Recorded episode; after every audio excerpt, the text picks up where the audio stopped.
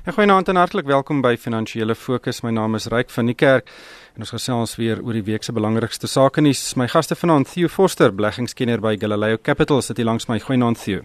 Goeienaand Ryk. En uit die Kaap gesels Jan van die Kerk, hy's 'n portefeuljebestuurder by RCM. Goeienaand Jan. Hallo Ryk, hallo Theo. Theo, kom ons begin. Ongelooflike week. Dit het begin met Jacob Zuma wat gelyk het of hy gaan bietjie vaskop. 'n Vrydag aand het hy 'n briljante staatsrede gelewer. Uh Cyril Ramaphosa eerder het 'n ongelooflike staatsrede gelewer. En uh weet ons daar is nou gepraat oor hierdie staatsrede op kommentaar. Ehm um, maar kom ons begin by die spoed waarteen vertrouens vlakke in Suid-Afrika toegeneem het. Ehm um, sedert sy aanstelling as die ANC se president verlede jaar tot nou toe lyk dit asof die hele vertroue in Suid-Afrika dramaties verbeter het, uh, nie net plaaslik nie, maar ook in die buiteland. Dink jy hy het uh, Vrydag aand genoeg gesê om daai vertroue gestand te doen? Ryk, kom ons jy praat van vertroue herstel. Kom ons gaan 'n bietjie terug. Op die 15de Desember verlede jaar, net voor die beleidskonferensie begin stem het oor hom, was die rand op R13.50. Nou is die rand op R11.60. Teen die pond was die rand op meer as R18. Ons is nou R16.30. Die langtermyn staatseffek het verhandel rondom R9 9.4%. Ons is nou nie ver van 8% af nie. Ja, ek dink wat 'n mens moet in gedagte hou is dat uiteindelik um, monetêre beleid en fiskale beleid kan klein veranderinge maak aan 'n ekonomiese siklus en kan hier en daar 'n opwaartse fase temper of 'n afwaartse fase bietjie so bietjie momentum gee, maar uiteindelik gaan dit oor vertroue. Vertroue is is die beginsel waarop enige belegging gemaak word, is die beginsel waarop kapitaal spandeer word, is die beginsel waarop projekte aangepak word. En wat interessant is is hy het hy hy het selfs hierso voor Davos het, het het president Ramaphosa klem gelê op 'n paar elemente om vertroue terug te kry. Hy het gesê hy is in beheer van die proses om president Zuma uit sy amp uit te kry. Wel, hy daan voldoen. Vertroue eh, kry 'n pluspunt.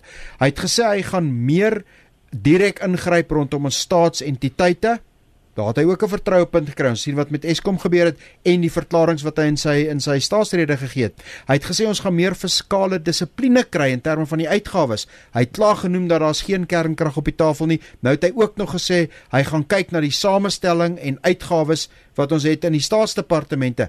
Daar's nog 'n punt. En dan het hy gesê dat ons sal baie mooi moet kyk na die beleidsekerheid rondom goed soos die mynbou handves. Ons het vanmiddag gesien dat dit aangespreek word. Die hofsaak wat môre en oormôre sou begin oor hier mynbou handves is uitgestel na gesprekke met die president. So die punt van die saak is as dit gaan oor vertroue het hy 'n klomp elemente raakgeslaan en dan kom ons by die punt van korrupsie. Hy het reeds gesê dat die dat die staatsentiteite gaan stappe neem en hy het meer vir ons duidelikheid daaroor ook gegee.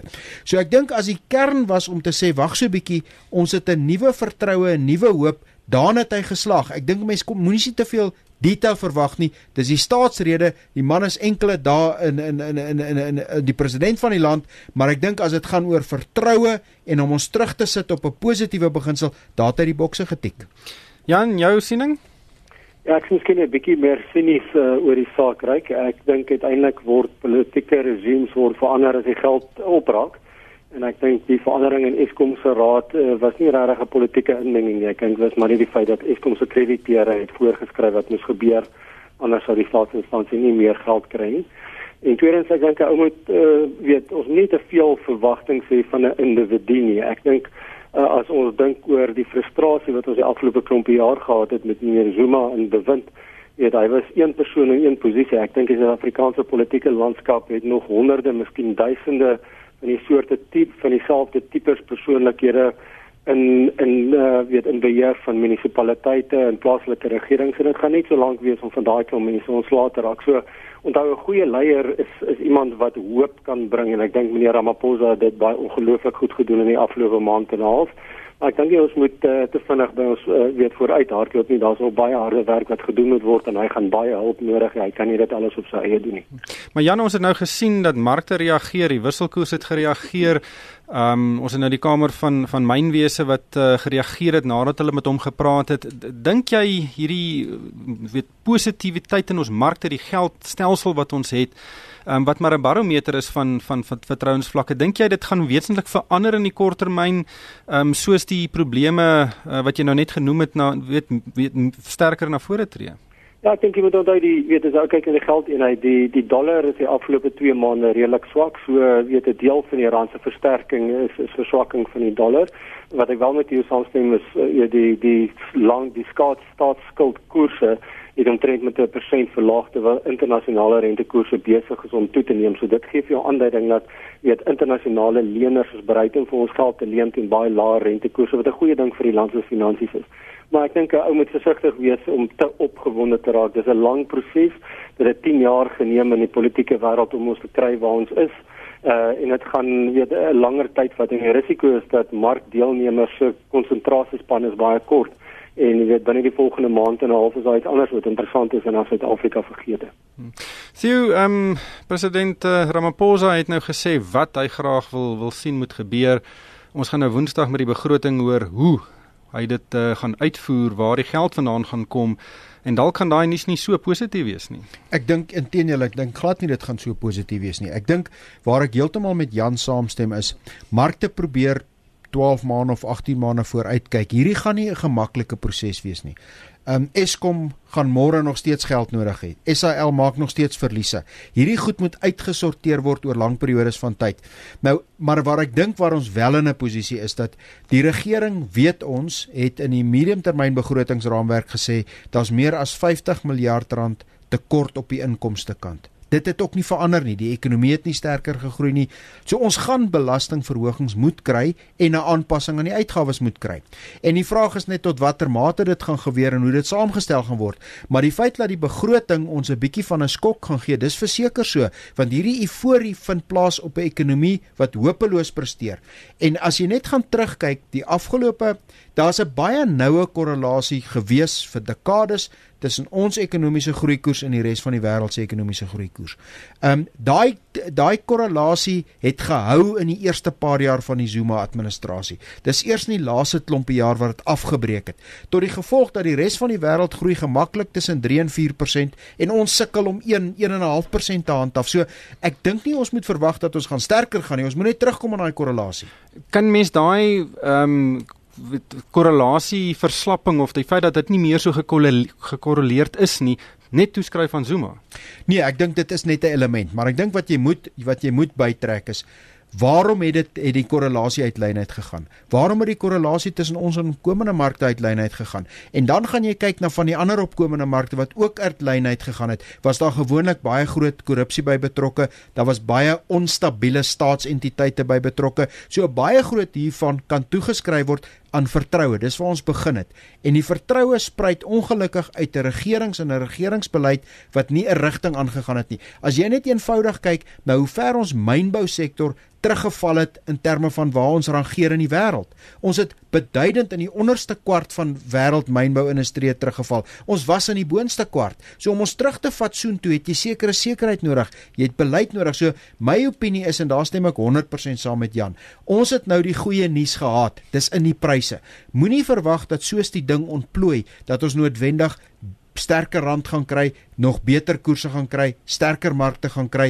Van hierdie goeie nuus is verdiskonteer en dit nou gaan die proses kom om hierdie goeie nuus wat verdiskonteer is te laat plaasvind in in in die reële ekonomie en dit is 'n uitdaging. Dit gebeur nie môre nie. Hmm. Jan, ek wil jou mening ook oor die begroting hoor. Wat verwag jy en en en weet een van die van die ehm um, punte wat vandag in die media opgehaal is is dat uh, eh, BTW dalk um, opgestoot kan word van 14 tot 16% as die uh, vernaamste bron vir die om daai 50 miljard rand gat toe te stop. Ehm um, en in, in baie opsigte is dit dalk die ideale geleentheid vir vir Ramaphosa om dit te doen omdat uh, dit geblameer gaan word op wat die Zuma administrasie aangevang het. Ja, jy moet onthou om om 'n konsumpsiebelasting te verhoog uh, wat BTW is, is absoluut die heel laaste ding wat enige politikus sal wil doen, al kan jy dit op jou voorganger blameer. So ek dink in Suid-Afrika moet jy aanvaar as BTW verhoog, dan moet jy weet daar daar's geen ander uh um skuif om te maak nie, maar ek vermoed ons ons vind onsself in 'n posisie waar ons dit moet doen. Wat natuurlik baie positief sal wees as die regering weet sny uh, aan hulle begrotingsspanderingsplanne. So as jy wil kyk vir enige goeie nuus, dan moet ons kyk vir 'n gedeelte van die beplande spandering wat teruggesny word. Ons almal weet dat ons nooit die kernkrag kon bekostig nie, so ek sien nie dit is 'n groot wen dat eh uh, weer die rigting daar verander nie. Mense moet sien waar daar ander teruggesny word. En ek dink 'n ander deel eh, en dit is nie moeilik om die begroting te sien nie, maar ons weet daar's baie geld wat as gevolg van korrupsie weggaan. So net meer effektiewe bestuur van die staatskas uh, is baie beter. Ek dink op die inkomste kant vir die regering natuurlik, hulle moet belastings verhoog en daar sal 'n paar wees wat polities gemaklik is, soos kapitaalwinsbelasting wat 10 teen 1 weet kan skuif tot 100% inslag uh en weet weer eens die, die boonste deel van die marginale inkomstebelasting vir individue. Uh maar ek dink die regering se is of die minister se se geleenthede is min so beter weer is op die kaarte. Hmm. Sien, wie dink jy gaan daai toespraak lewer? Ryk, dis 'n dis 'n baie moeilike vraag. Ehm um, kom ons sê ehm um, ek dink op hierdie stadium moet ons besef dat die dat die toespraak word gewoonlik voorgelê en inteendeel, jy sal onthou dat toe toe toe toe toe destydse minister Nene in 2015 afgedank was, was dit nadat hy 'n uh, kabinetsvergadering bygewoon het waar hy die riglyne van sy begroting met die kabinet gedeel het. Dit was in Desember, in die tweede week van Desember. So gewoonlik in Desember, Januarie word die te, gee die tesourier die raamwerk vir die begroting en stuur dit dan vir kommentaar. So tot 'n groot mate is daai werk al reeds gedoen. Die vraag is nou net wie gaan dit wie gaan dit voordra en wie da, dra dan die verantwoordelikheid vir die implementering daarvan. Ek sou gedink het en nou spekuleer ons suiwer. Ek sou gedink het dat uiteindelik, kom ek sê eers my punt. Ek dink nie meneer Nene of my, ek dink nie meneer Gigaba gaan oor 6 maande die minister van finansies wees. Ek dink daar's 'n bitter klein kans daarop. Ek dink amper is weglaatbaar klein. Die punt is net wie gaan die begroting voorlees en wie gaan dan die vrae daarop beantwoord. En, en daar's die punt, is daar genoeg tyd om 'n om 'n ander minister daai daai daai werk te gee Woensdag of is Woensdag en die naal af daarvan die volgende 2 weke maar eintlik meneer Gigaba se lesenaar en daarna gaan ons die die regte veranderinge kry. Daar is baie gerugte in die mark dat ons donderdag groot uh aanstellings in die kabinet gaan kry. Dis gerugte. Ek het geen idee of dit so is of nie. So my opinie op hierdie stadium, ek dink as hy dit sou vervang het, sou dit gewees het net na die staatsrede Vrydag. So ek het die idee dat meneer Gigaba gaan hierdie toespraak lewer, maar net so dink ek daar's 'n baie goeie kans as dit hy is, is dit sy laaste en enigste toespraak, of enigste begrotingstoespraak wat hy ooit gaan lewer. Jan, op wie sit jy jou geld? Ja, ek dink die, die vraag is miskien nie wie gaan die toespraak lewer nie, maar wie is volgende finansminister en miskien waar ook kyk eh, van 1994 af vir die ANC ten spyte van al hulle foute het hulle dit tog reg gekry om finansministers van hoë kwaliteit te produseer behalwe die laaste een. Uh en ek dink daar's diep kennis en 'n en 'n diep verstaan dat finansies baie belangrik is vir die land, weet ook die departement van finansies. So, weet ons kan teruggaan. Ek sien die koerante spekuleer oor meneer Trevor Manuel Pravin Gordhan, uh, nee nee, almal is nog beskikbaar. Uh, en as dit nie hulle is nie, sal ek vertrou dat die ANC ten minste 'n ander uh, kandidaat in die hande sal kry wat van dieselfde kaliber is. So dis miskien een van die kabinetsposte waarvoor ek die minste kommer het. Hmm. Die uh, naam van Letsetja Kanyago word ook genoem, uh, natuurlik die huidige president van die Reservebank en ek dink hy sal ook 'n uiters stekende kandidaat ja. wees. Ek dink van die ekonomiese kant is daar 3 ministers wat volgens my vervang moet word en wat ek nogal dink ons gaan hoë kwaliteit kandidaate kry. Minister van Finansies, ek dink dit gaan vervang word. Minister van Mynbou, ek dink ons is op die punt. Ek dink in effek in die toespraak Vrydag aand tot 'n baie groot mate is onder andere minister Zwane indirek bykans afgedank as jy kyk na die opmerkings wat gemaak het. Net so dink ek meneer Tommyane is vir alle praktiese eindes afgedank in die toespraak. Net so dink ek Shaun Abrams is vir alle praktiese eindes afgedank in die toespraak. Ek dink ons gaan maar as drie, drie ministers wat vir my belangrik is en die ander een is die staatsentiteite waar waar net so dink ek is um, is Lynn Brown vir alle praktiese eindes amper afgedank.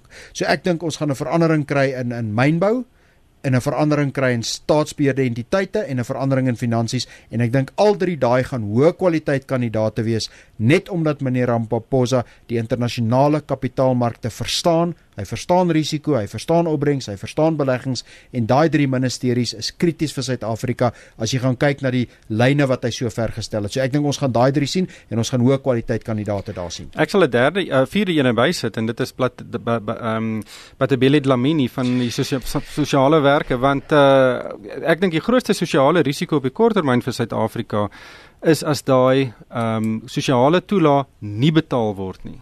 Ja, want ek, dit dit hou die hele land basies in mekaar vir al die platteland En dis kritiek dat daai pos vir daai persoon verander moet word. Kyk kyk ryk as ons as ons gaan as ons praat oor ministers wat ek dink is het 'n gebrek aan talent, dan is hy nie die enigste nie. Ek dink daar's 'n legio van hulle. Jan, wie sal jy graag in watter pos wil sien? Waar, waar dink jy is die prioriteite vir uh, vir die nuwe president? Ja, ek dink julle het uh, dit goed opgesom. Ek dink uh, natuurlik sal wat ons almal sê die kabinet moet heelwat kleiner raak. Uh, maar ek dink hulle het raak gevat in terme van die ministers gaan. Daar's daar nog 'n lang lys van ander, maar dis die belangrikste. Hmm. Jan, kom ons gesels 'n bietjie oor ander sake in die uh, resilient, natuurlik die eiendomsgroep. Daar's uh, verskeie mense wat vingers na hulle wys en sê daar is 'n uh, paar geraamtes in hulle in hulle finansies en dat hulle snaakse dinge doen en die aandeleprys hou net aan met val ten spyte van van ehm um, die maatskappy wat sê dit is nie waar nie. Wat is jou indrukke van wat daar by Resilient gebeur?